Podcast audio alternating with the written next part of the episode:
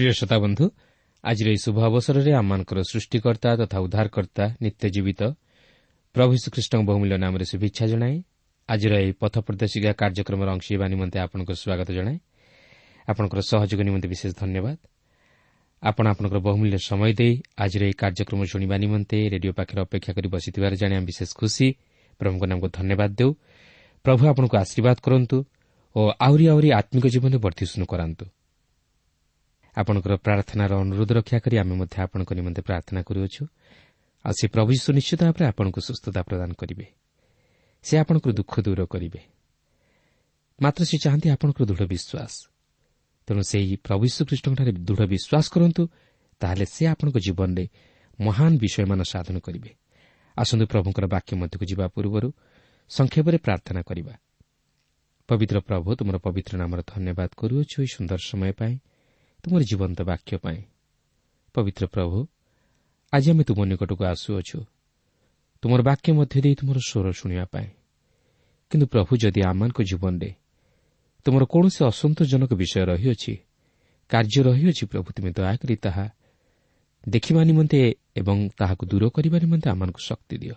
ସରଳ ବିଶ୍ୱାସରେ ଏବଂ ପ୍ରଭୁ ଏକାଗ୍ରତାର ହୃଦୟ ନେଇ ଯେପରି ଆମମାନେ ତୁମର ବାକ୍ୟ ଅଧ୍ୟୟନ କରୁ କରୁ ତୁମର ସ୍ୱର ଶୁଣିବାକୁ ପାରିବୁ ତୁମ ସହିତ ଆଳାପ କରିବାକୁ ପାରିବୁ ଏହି ପ୍ରକାର ପ୍ରସ୍ତୁତିର ହୃଦୟ ତୁମେ ଆମମାନଙ୍କୁ ଦାନ କର। ଆଜିର ଏହି କାର୍ଯ୍ୟକ୍ରମ ମଧ୍ୟ ଦେଇ ପ୍ରତ୍ୟେକ ଶ୍ରୋତାବନ୍ଧୁମାନଙ୍କୁ ତୁମେ ଆଶୀର୍ବାଦ କର। ଯୀଶୁଙ୍କ ନାମରେ ମାଗୁଅଛୁ। ଆସନ୍ତୁ ବର୍ତ୍ତମାନ ଆମେ ପ୍ରଭୁଙ୍କର ବାକ୍ୟ ମଧ୍ୟକୁ ଯିବା। ଆଜି ଆମେ ରୋମିଓ ଆଠ ପର୍ବର ଅଠେଇଶ ପଦରୁ ଆରମ୍ଭ କରି ଅଣଚାଳିଶ ପଦ ପର୍ଯ୍ୟନ୍ତ ଅଧ୍ୟୟନ କରିବା ନିମନ୍ତେ ଯିବା। ତେବେ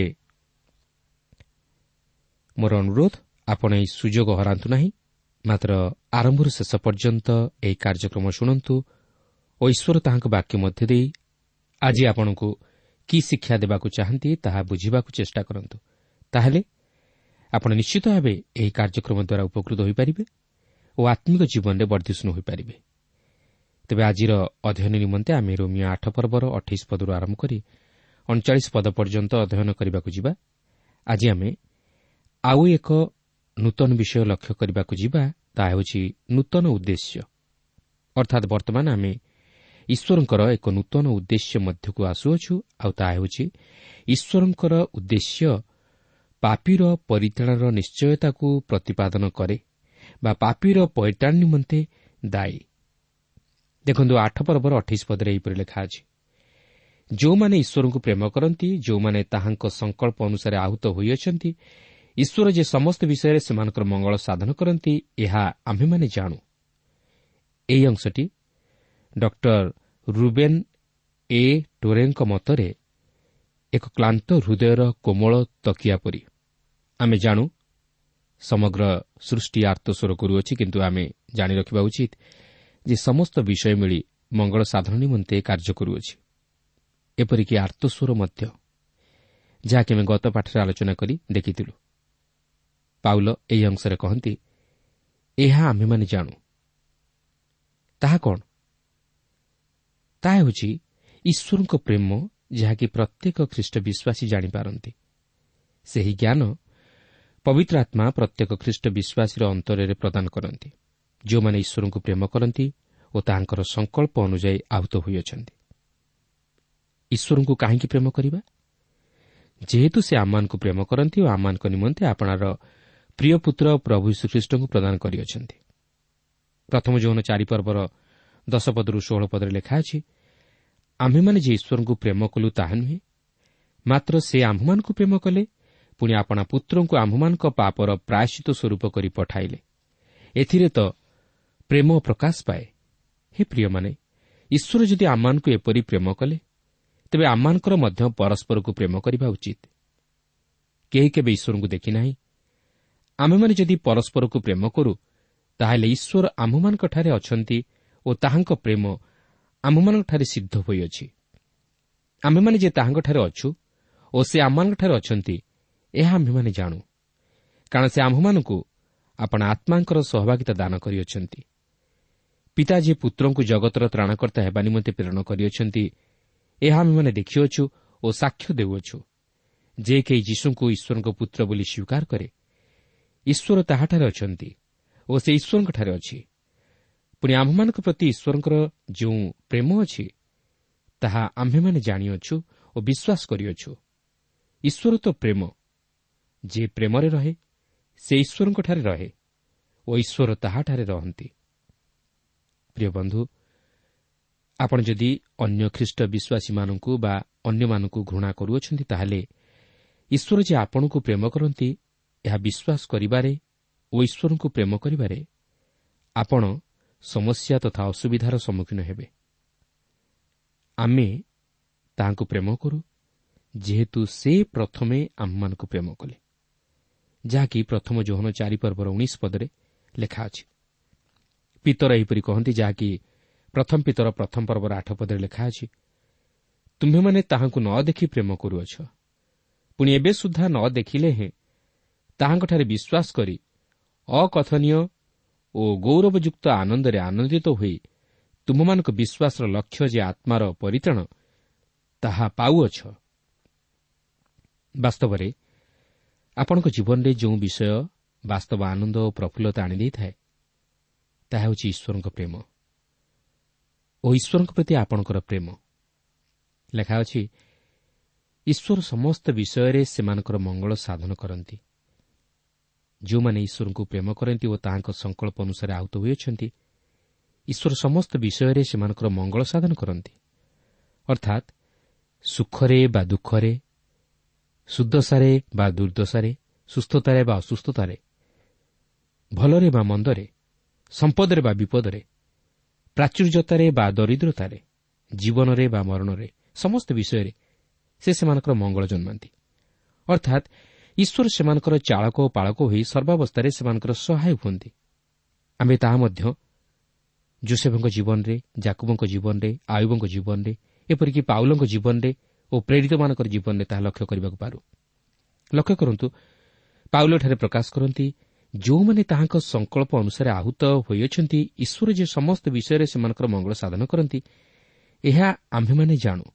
କିନ୍ତୁ ଅନେକ ଏହାର ଗଭୀର ମର୍ମକୁ ବୁଝିପାରନ୍ତି ନାହିଁ ତେଣୁକରି ସେମାନେ ଏହାର ବିକୃତ ଅର୍ଥ କରନ୍ତି। କିନ୍ତୁ ଈଶ୍ୱରଙ୍କ ଦ୍ୱାରା ଆହୁତ ସେହିମାନେ ଯେଉଁମାନେ କି କେବଳ ସେହି ଆହ୍ୱାନକୁ ପ୍ରାପ୍ତ ହୁଅନ୍ତି ନାହିଁ ମାତ୍ର ସେହି ଆହ୍ୱାନକୁ ଗ୍ରହଣ କରିନିଅନ୍ତି ଓ ସେମାନେ ଉର୍ଦ୍ଧ୍ୱରୁ ଜନ୍ମଗ୍ରହଣ କରନ୍ତି। ସେମାନେ ଈଶ୍ୱରଙ୍କ ପ୍ରେମକୁ ଅନୁଭବର ସହିତ ଜାଣନ୍ତି। ସେମାନେ ଆହୁତ ଯେହେତୁ ସେମାନେ ଈଶ୍ୱରଙ୍କ ଆହ୍ୱାନକୁ ଶୁଣନ୍ତି ତାହା ହେଉଛି ଗୁରୁତ୍ୱପୂର୍ଣ୍ଣ ଈଶ୍ୱର ଚାହାନ୍ତି ନାହିଁ ତାହାଙ୍କର ସୃଷ୍ଟ ମନୁଷ୍ୟ କେହି ବି ନଷ୍ଟ ହୁଅନ୍ତୁ। କାରଣ ତାହାଙ୍କର ଆହ୍ୱାନ ସମସ୍ତଙ୍କ ନିମନ୍ତେ। କିନ୍ତୁ ସେହି ଆହ୍ୱାନକୁ ଶୁଣି ତାହାକୁ ଗ୍ରହଣ କରିବା ହେଉଛି ବା ସେହି ଆହ୍ୱାନର ବଶୀଭୂତ ହେବା ହେଉଛି ଗୁରୁତ୍ୱପୂର୍ଣ୍ଣ ବିଷୟ। ଈଶ୍ୱର ଚାହାନ୍ତି ନାହିଁ କେହି ପାପରେ ବିନଷ୍ଟ ହେଉ। ମାତ୍ର ମନୁଷ୍ୟ ନିଜେ ନିଜେ ସେହି ବିନାଶର ପଥକୁ ବାଛିନିଏ ଓ ଆପେ ତହିଁରେ ବିନଷ୍ଟ ହୁଏ। ସେମାନେ ବିନଷ୍ଟ ହୋଇଥାନ୍ତି ଯେହେତୁ ସେମାନେ ସେହି ବିନାଶର ପଥକୁ ବାଛି ନିଅନ୍ତି। ଆହୁତ ସେହିମାନେ ଯେଉଁମାନେ ଇଚ୍ଛା କରନ୍ତି ମାତ୍ର ସେମାନେ ଆହୁତ ନୁହନ୍ତି ଯେଉଁମାନେ ଇଚ୍ଛା କରନ୍ତି ନାହିଁ। କିନ୍ତୁ ଏହି ସମସ୍ତ ଈଶ୍ୱରଙ୍କ ସଂକଳ୍ପ ଅନୁଯାୟୀ କିନ୍ତୁ ଯଦି ଆପଣ ଏପର୍ଯ୍ୟନ୍ତ ଈଶ୍ୱରଙ୍କ ଇଚ୍ଛା ଓ ସଂକଳ୍ପ ଅନୁଯାୟୀ ନିଜକୁ ପ୍ରସ୍ତୁତ କରିନାହାନ୍ତି ତାହେଲେ ଏ ହେଉଛି ପ୍ରକୃତ ସମୟ। ଈଶ୍ୱରଙ୍କ ଇଚ୍ଛା ଓ ସଂକଳ୍ପ ଅନୁଯାୟୀ ନିଜକୁ ତାହାଙ୍କ ହସ୍ତରେ ସମର୍ପଣ କରନ୍ତୁ ଓ ତାହାଙ୍କ ଇଚ୍ଛାକୁ ଗ୍ରହଣ କରନ୍ତୁ। ତାହେଲେ ଆପଣ ବିନଷ୍ଟ ନ ହୋଇ ଉଦ୍ଧାରପ୍ରାପ୍ତ ହେବେ। କାରଣ ଏହା ତାହାଙ୍କର ସୃଷ୍ଟି ଓ ତାହାଙ୍କର ଜଗତ। ସେ ଏହା ସୃଷ୍ଟି କରିଅଛନ୍ତି। ସେ ଯାହା ଚାହାନ୍ତି ତାହା ସେ ସାଧନ କରନ୍ତି। କାରଣ ସେ ଯାହା ସାଧନ କରନ୍ତି ତାହା ନ୍ୟାୟସଙ୍ଗତ ଓ ଯୁକ୍ତିଯୁକ୍ତ ଓ ଉତ୍ତମ। ତେଣୁ ଈଶ୍ୱରଙ୍କ ଇଚ୍ଛା କ'ଣ ତାହା ଜାଣିବାକୁ ଚେଷ୍ଟା କରନ୍ତୁ ଓ ତାହାଙ୍କର ଇଚ୍ଛାକୁ ଗ୍ରହଣ କରି ମାନି ନିଅନ୍ତୁ ଓ ଈଶ୍ୱରଙ୍କ ଇଚ୍ଛା ଅନୁଯାୟୀ ଜୀବନଯାପନ କରନ୍ତୁ। ତାହେଲେ ସେ ଆପଣଙ୍କ ନିମନ୍ତେ ସମସ୍ତ କିଛି ମଙ୍ଗଳରେ ପରିଣତ କରାଇବେ। ପ୍ରିୟ ବନ୍ଧୁ ଏହି ମନୋନୀତ ହେବାରେ ମନୁଷ୍ୟର କୌଣସି ଇଚ୍ଛା ବା ଅହମିକା ସ୍ଥାନ ପାଏ ନାହିଁ। ମାତ୍ର ଈଶ୍ୱରଙ୍କ ଇଚ୍ଛା ଓ ଅଭିମତ ତଥା ସଂକଳ୍ପ ସ୍ଥାନ ପାଇଥାଏ। ତେଣୁ ତାହାଙ୍କ ଇଚ୍ଛା ଉପରେ ନିର୍ଭର କରିବା ଓ ତାହାଙ୍କୁ ଗ୍ରହଣ କରିବା ସବୁଠାରୁ ବୁଦ୍ଧିମାନର ପରିଚୟ। ଆଠ ପର୍ବର ଅଣତିରିଶ ଓ ତିରିଶ ପଦରେ ଲେଖା ଅଛି କାରଣ ଯେଉଁମାନଙ୍କୁ ସେ ପୂର୍ବରୁ ଜାଣିଥିଲେ ସେମାନଙ୍କୁ ତାହାଙ୍କ ପୁତ୍ରଙ୍କ ପ୍ରତିମୂର୍ତ୍ତିର ଅନୁରୂପ ହେବା ନିମନ୍ତେ ସେ ପୂର୍ବରୁ ନିରୂପଣ ମଧ୍ୟ କରିଥିଲେ। ଯେପରି ସେ ଅନେକ ଭ୍ରାତାଙ୍କ ମଧ୍ୟରେ ଅଗ୍ରଜ ହୁଅନ୍ତି। ଆଉ ଯେଉଁମାନଙ୍କୁ ସେ ପୂର୍ବରୁ ନିରୂପଣ କରିଥିଲେ ସେମାନଙ୍କୁ ସେ ମଧ୍ୟ ଆହ୍ୱାନ କଲେ ପୁଣି ଯେଉଁମାନଙ୍କୁ ସେ ଆହ୍ୱାନ କଲେ ସେମାନଙ୍କୁ ସେ ମଧ୍ୟ ଧାର୍ମିକ ବୋଲି ଗଣିଲେ। ଆଉ ଯେଉଁମାନଙ୍କୁ ସେ ଧାର୍ମିକ ବୋଲି ଗଣିଲେ ସେମାନଙ୍କୁ ସେ ମଧ୍ୟ ଗୌରବାନ୍ୱିତ କଲେ।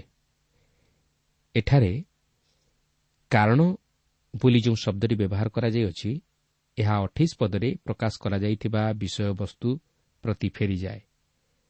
ସେହି ଅଠେଇଶ ପଦରେ ଆମେ ଏଥିପୂର୍ବରୁ ଦେଖିଥିଲୁ ଯେ ସେଠାରେ ଈଶ୍ୱରଙ୍କ ସଂକଳ୍ପ ଅନୁଯାୟୀ ଆହୁତମାନଙ୍କ ବିଷୟ ନେଇ ପ୍ରକାଶ କରାଯାଇଅଛି।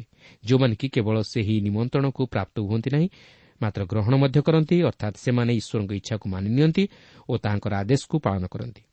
ତେଣୁକରି ଏଠାରେ ପାଉଲ ସ୍କରଣ କରାଇଦେବାକୁ ଚାହାନ୍ତି ଯେ ସେ ଏଠାରେ କୌଣସି ବିନାଶ ପ୍ରାପ୍ତ ହେବା ନିମନ୍ତେ ମନୋନୀତ ହୋଇଥିବା ବିଶ୍ୱାସୀଙ୍କ ବିଷୟ ନେଇ ପ୍ରକାଶ କରନ୍ତି ନାହିଁ ମାତ୍ର ସେ ଏଠାରେ ସେହି ଆହ୍ୱାନପ୍ରାପ୍ତ ବିଶ୍ୱାସୀମାନଙ୍କ ବିଷୟ ନେଇ ପ୍ରକାଶ କରନ୍ତି ଯେଉଁମାନେ କି ଈଶ୍ୱରଙ୍କ ପୂର୍ବ ନିରୂପିତ ସଂକଳ୍ପ ଅନୁଯାୟୀ ଆହୁତ। କାରଣ ଈଶ୍ୱରଙ୍କର ଏହି ପୂର୍ବ ନିରୂପିତ ସଂକଳ୍ପ ଅନୁଯାୟୀ କୌଣସି ବ୍ୟକ୍ତି ବା ବିଶ୍ୱାସୀ ବିନାଶ ପ୍ରାପ୍ତ ହେବା ନିମନ୍ତେ ଆହୁତ ହୁଅନ୍ତି ନାହିଁ। ଏ ପ୍ରକାର ଆହ୍ୱାନ ଆପଣ କେବେ ହେଲେ ଦେଖିବାକୁ ପାଇବେ ନାହିଁ। କିନ୍ତୁ ଯଦି କେହି ସେପରି ଶିକ୍ଷା ଦିଏ ଯେ ଈଶ୍ୱରଙ୍କ ପୂର୍ବ ନିରୂପିତ ସଂକଳ୍ପ ଅନୁଯାୟୀ ସେ ଅନେକଙ୍କୁ ବିନଷ୍ଟ କରିବା ନିମନ୍ତେ ମନୋନୀତ କରିଥାନ୍ତି ବୋଲି ତାହେଲେ ତାହା ଧର୍ମଶାସ୍ତ୍ର ଅନୁମୋଦିତ ନୁହେଁ। ଏହା ଭୁଲ ଶିକ୍ଷା। ତେବେ ଈଶ୍ୱରଙ୍କ ପୂର୍ବ ନିରୂପିତ ସଂକଳ୍ପର ଅର୍ଥ ଈଶ୍ୱର ଯେତେବେଳେ ଆପଣଙ୍କୁ ଉଦ୍ଧାର କରନ୍ତି ସେତେବେଳେ ସେ ଆପଣଙ୍କୁ ଆପଣଙ୍କ ଜୀବନର ପ୍ରତ୍ୟେକ ପରିସ୍ଥିତିରେ ସୁରକ୍ଷା ପ୍ରଦାନ କରିବାକୁ ଚାହାନ୍ତି ଓ ଆପଣଙ୍କୁ ଉଦ୍ଧାର କରିବାକୁ ଚାହାନ୍ତି। ଏହା ହିଁ ହେଉଛି ଈଶ୍ୱରଙ୍କର ସ୍ୱର୍ଗୀୟ ଅଭିମତ ବା ଅନନ୍ତକାଳୀନ ଉଦ୍ଦେଶ୍ୟ। ଏହାର ଅର୍ଥ ହେଉଛି ଯେତେବେଳେ ସେହି ପ୍ରଭୁ ଶ୍ରୀଖ୍ରୀଷ୍ଟ ଯେ କି ପ୍ରଧାନ ମେଷପାଳକ ଉତ୍ତମ ମେଷପାଳକ ଓ ପ୍ରଧାନ ପାଳକ ଶହେଟି ମେଣ୍ଢାଙ୍କୁ ନେଇ ବାହାରି ଯାଆନ୍ତି ସେ ମଧ୍ୟ ସେହି ଶହେଟି ମେଣ୍ଢାଙ୍କୁ ଘେନି ଗୃହକୁ ବାହୁଡ଼ି ଆସିବାକୁ ଚାହାନ୍ତି। ସେ ସେମାନଙ୍କ ମଧ୍ୟରୁ ଗୋଟିକୁ ହରାଇବାକୁ ଚାହାନ୍ତି ନାହିଁ। ଆପଣଙ୍କର ମନେଥିବ ଏହି ବିଷୟ ନେଇ ପ୍ରଭୁ ଯୀଶୁ ଏକ ଦୃଷ୍ଟାନ୍ତ ମଧ୍ୟ ଦେଇ ଶିକ୍ଷା ଦେଇଥିଲେ ଯାହାକି ଲୋକ ପନ୍ଦର ପର୍ବରେ ଆପଣ ଲକ୍ଷ୍ୟ କରିବାକୁ ପାରିବେ। ସେହି ହଜିଲା ମେଣ୍ଢାର ଦୃଷ୍ଟାନ୍ତ ମଧ୍ୟରେ ସେହି ମେଷପାଳକକୁ ପ୍ରଭୁ ଯୀଶୁ ଖ୍ରୀଷ୍ଟଙ୍କ ସହ ତୁଳନା କରାଯାଏ। ସେହି ମେଣ୍ଢାଟି ଯଦିଓ ଦଳ ମଧ୍ୟରୁ ବାହାରି ଚାଲିଯାଇଥିଲା ମାତ୍ର ସେହି ଉତ୍ତମ ମେଷପାଳକ ତାହାକୁ ଛାଡ଼ି ଦେଇନଥିଲେ ସେ କହିଲେ ନାହିଁ ଯେ ମୋର ତ ଅନେଶ୍ୱତୀ ମେଣ୍ଢା ଅଛନ୍ତି ଗୋଟିଏ ହଜିଗଲେ କିଛି ଯାଏ ଆସେ ନାହିଁ। ମାତ୍ର ସେ ସେହି ମେଣ୍ଢାଟିକୁ ଖୋଜି ନ ପାଇବା ପର୍ଯ୍ୟନ୍ତ ଅନେଶ୍ୱତୀ ମେଣ୍ଢାରେ ସନ୍ତୁଷ୍ଟ ନଥିଲେ। ପ୍ରଭୁଙ୍କ ନାମର ଧନ୍ୟବାଦ ହେଉ ଯେ ସେହି ମେଷପାଳକ ଗୋଟିଏ ମେଣ୍ଢାକୁ ମଧ୍ୟ ଛାଡ଼ି ଦିଅନ୍ତି ନାହିଁ। ସେ ତାହାକୁ ଖୋଜି ନ ପାଇବା ପର୍ଯ୍ୟନ୍ତ ତାହା ପଛରେ ଲାଗି ରହିଥାନ୍ତି।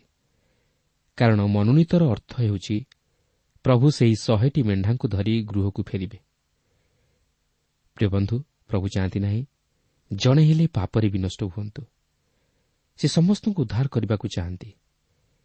କିନ୍ତୁ ମନୁଷ୍ୟ ସେହି ବିନାଶର ପଥକୁ ବାଛିନିଏ ଯେପରି ସେ ବିନଷ୍ଟ ହୁଏ। କିନ୍ତୁ ପ୍ରିୟ ବନ୍ଧୁ ଆଜି ଯଦି ଆପଣ ପ୍ରଭୁ ଶ୍ରୀକୃଷ୍ଣଙ୍କଠାରେ ବିଶ୍ୱାସ କରିଅଛନ୍ତି ତାହେଲେ ଆପଣ ସେହି ଶହେଟି ମେଣ୍ଢା ମଧ୍ୟରେ ଏକ ମେଣ୍ଢା ବୋଲି ଗଣିତ। ଏହାପରେ ଆଠ ପର୍ବର ଏକତିରିଶ ପଦରେ ଲେଖା ଅଛି ତେବେ ଏ ସମସ୍ତ ଦୃଷ୍ଟିରେ ଆମେମାନେ କ'ଣ କହିବା?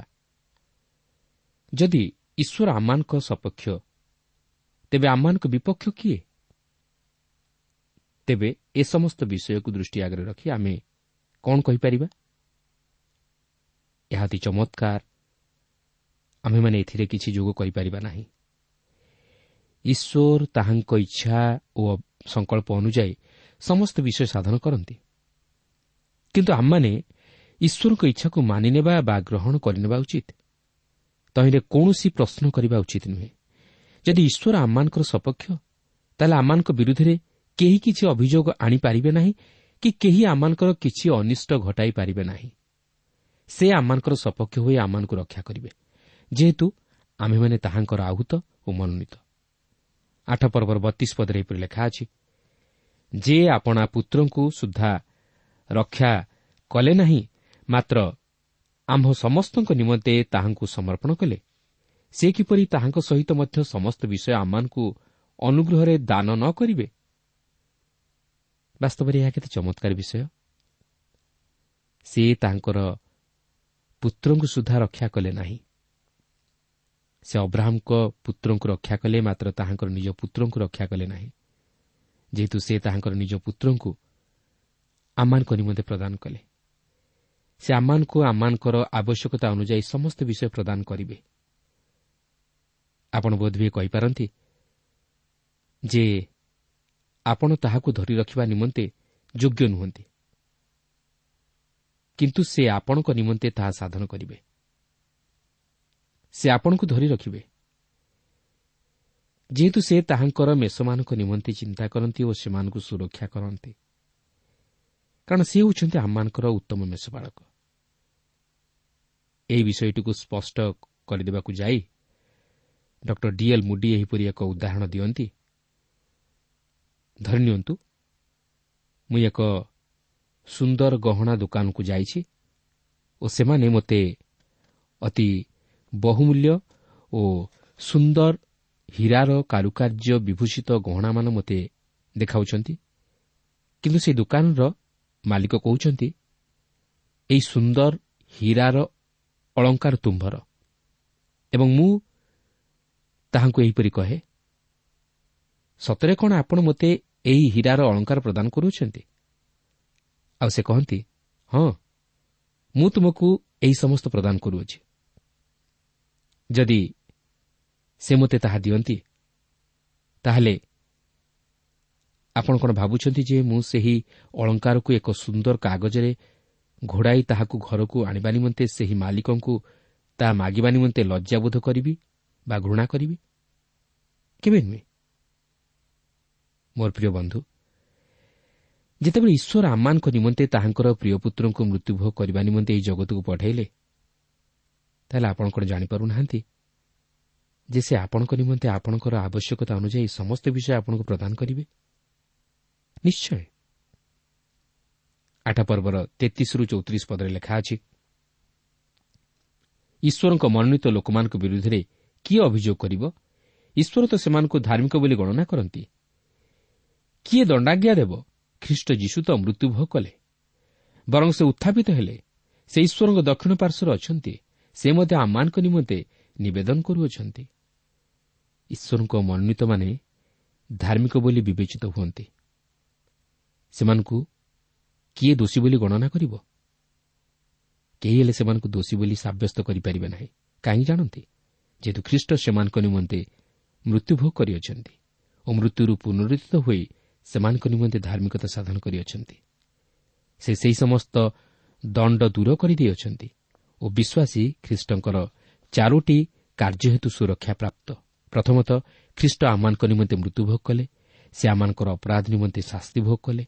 ଦ୍ୱିତୀୟତଃ ଖ୍ରୀଷ୍ଟ ମୃତ୍ୟୁରୁ ପୁନରୁଦ୍ଧିତ ହେଲେ ଓ ଆମମାନଙ୍କ ନିମନ୍ତେ ଧାର୍ମିକତା ସାଧନ କଲେ।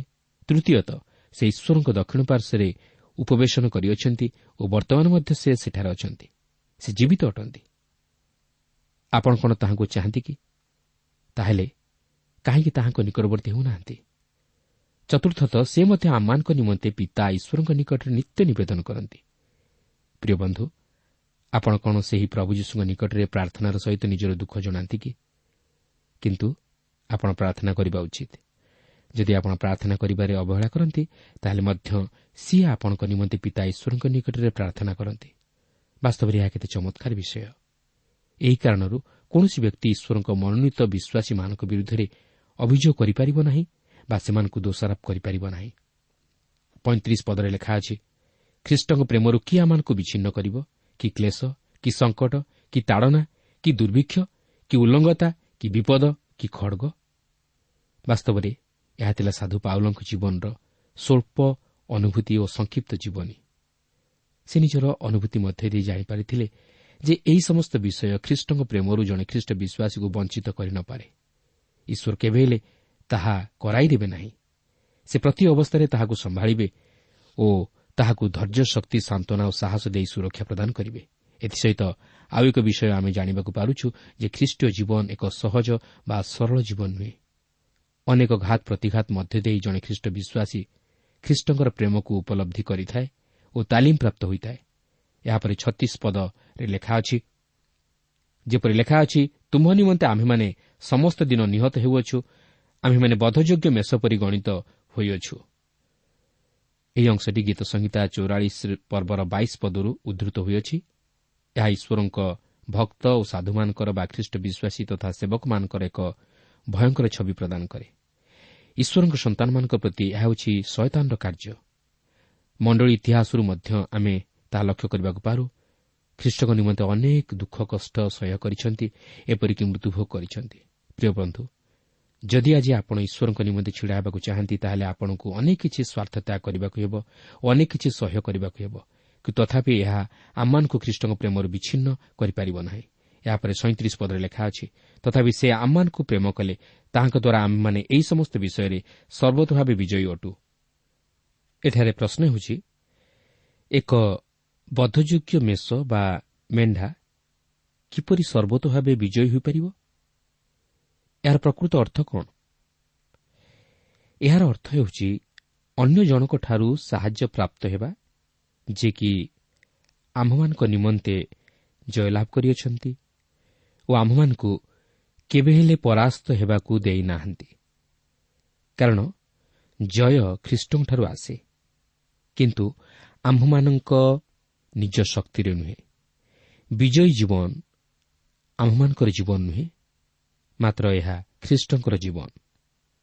ଏହାପରେ ଆଠ ପର୍ବର ଅଠତିରିଶ ଓ ଅଣଚାଳିଶ ପଦରେ ଏହିପରି ଲେଖା ଅଛି କାରଣ ମୃତ୍ୟୁ କି ଜୀବନ ଦୂତ କି କର୍ତ୍ତାପଣ ବର୍ତ୍ତମାନ କି ଭବିଷ୍ୟତ କି ପରାକ୍ରମ ଉଚ୍ଚସ୍ଥ ବିଷୟ କି ନିଚସ୍ଥ ବିଷୟ କି ଅନ୍ୟ କୌଣସି ସୃଷ୍ଟ ବସ୍ତୁ ଆମ୍ଭମାନଙ୍କ ପ୍ରଭୁ ଖ୍ରୀଷ୍ଟ ଯୀଶୁଙ୍କ ଦ୍ୱାରା ପ୍ରକାଶିତ ଈଶ୍ୱରଙ୍କ ପ୍ରେମରୁ ଯେ ଆମମାନଙ୍କୁ ବିଚ୍ଛିନ୍ନ କରିପାରିବ ନାହିଁ ଏହା ମୁଁ ନିଶ୍ଚୟ ଜାଣେ।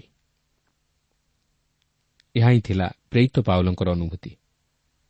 ସେ ଜାଣିଥିଲେ ଯେ ଖ୍ରୀଷ୍ଟଙ୍କ ପ୍ରେମରୁ କୌଣସି ବିଷୟ ବଞ୍ଚିତ କରିନପାରେ ମୃତ୍ୟୁ ଖ୍ରୀଷ୍ଟଙ୍କ ପ୍ରେମରୁ ଆମମାନଙ୍କୁ ବଞ୍ଚିତ କରିନପାରେ ବରଂ ଏହା ଆମ୍ଭମାନଙ୍କୁ ଖ୍ରୀଷ୍ଟଙ୍କ ସହିତ ମିଳିତ କରାଏ ଓ ତାହାଙ୍କର ଉପସ୍ଥିତି ମଧ୍ୟକୁ ନେଇଯାଏ।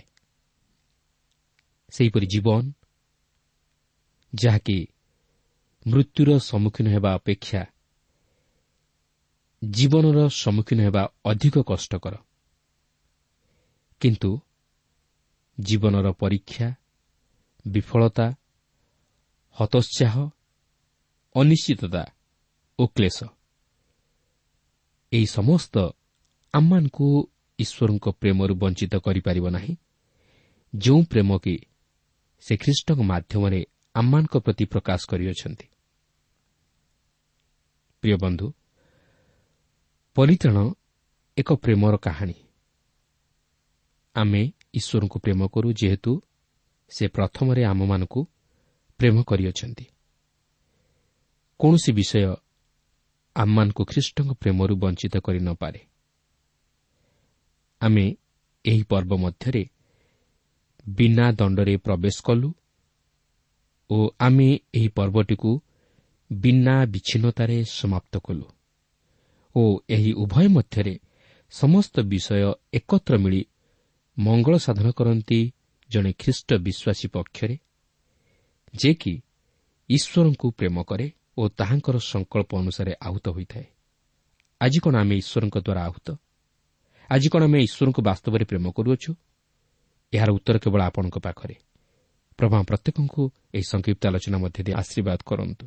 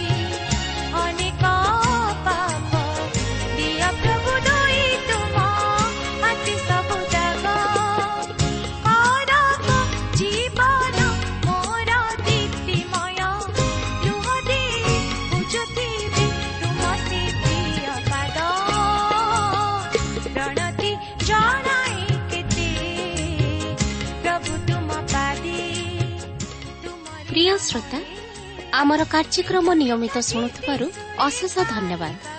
ଆପଣ ଏହି କାର୍ଯ୍ୟକ୍ରମ ଶୁଣିବା ଦ୍ୱାରା ଆତ୍ମିକ ଜୀବନରେ ଉପକୃତ ହୋଇପାରିଥିବେ ବୋଲି ଆମର ବିଶ୍ୱାସ।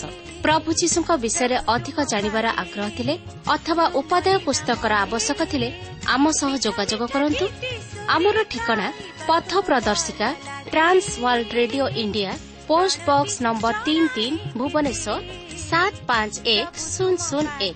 Mobile number nine seven double seven double two one four one five ଠିକଣାଟି ଆଉଥରେ ଶୁଣନ୍ତୁ। ପଥ ପ୍ରଦର୍ଶିକା Trans World Radio India post box number three three Bhubaneswar seven five one zero zero one mobile number nine seven double seven double two one four one five ଆମର email ଆଡ୍ରେସଟି ଲେଖି ରଖନ୍ତୁ Odia TV at radio eight eight two dot com ତେବେ ଆଜି ପାଇଁ ବିଦାୟ ଦିଅନ୍ତୁ। ନମସ୍କାର।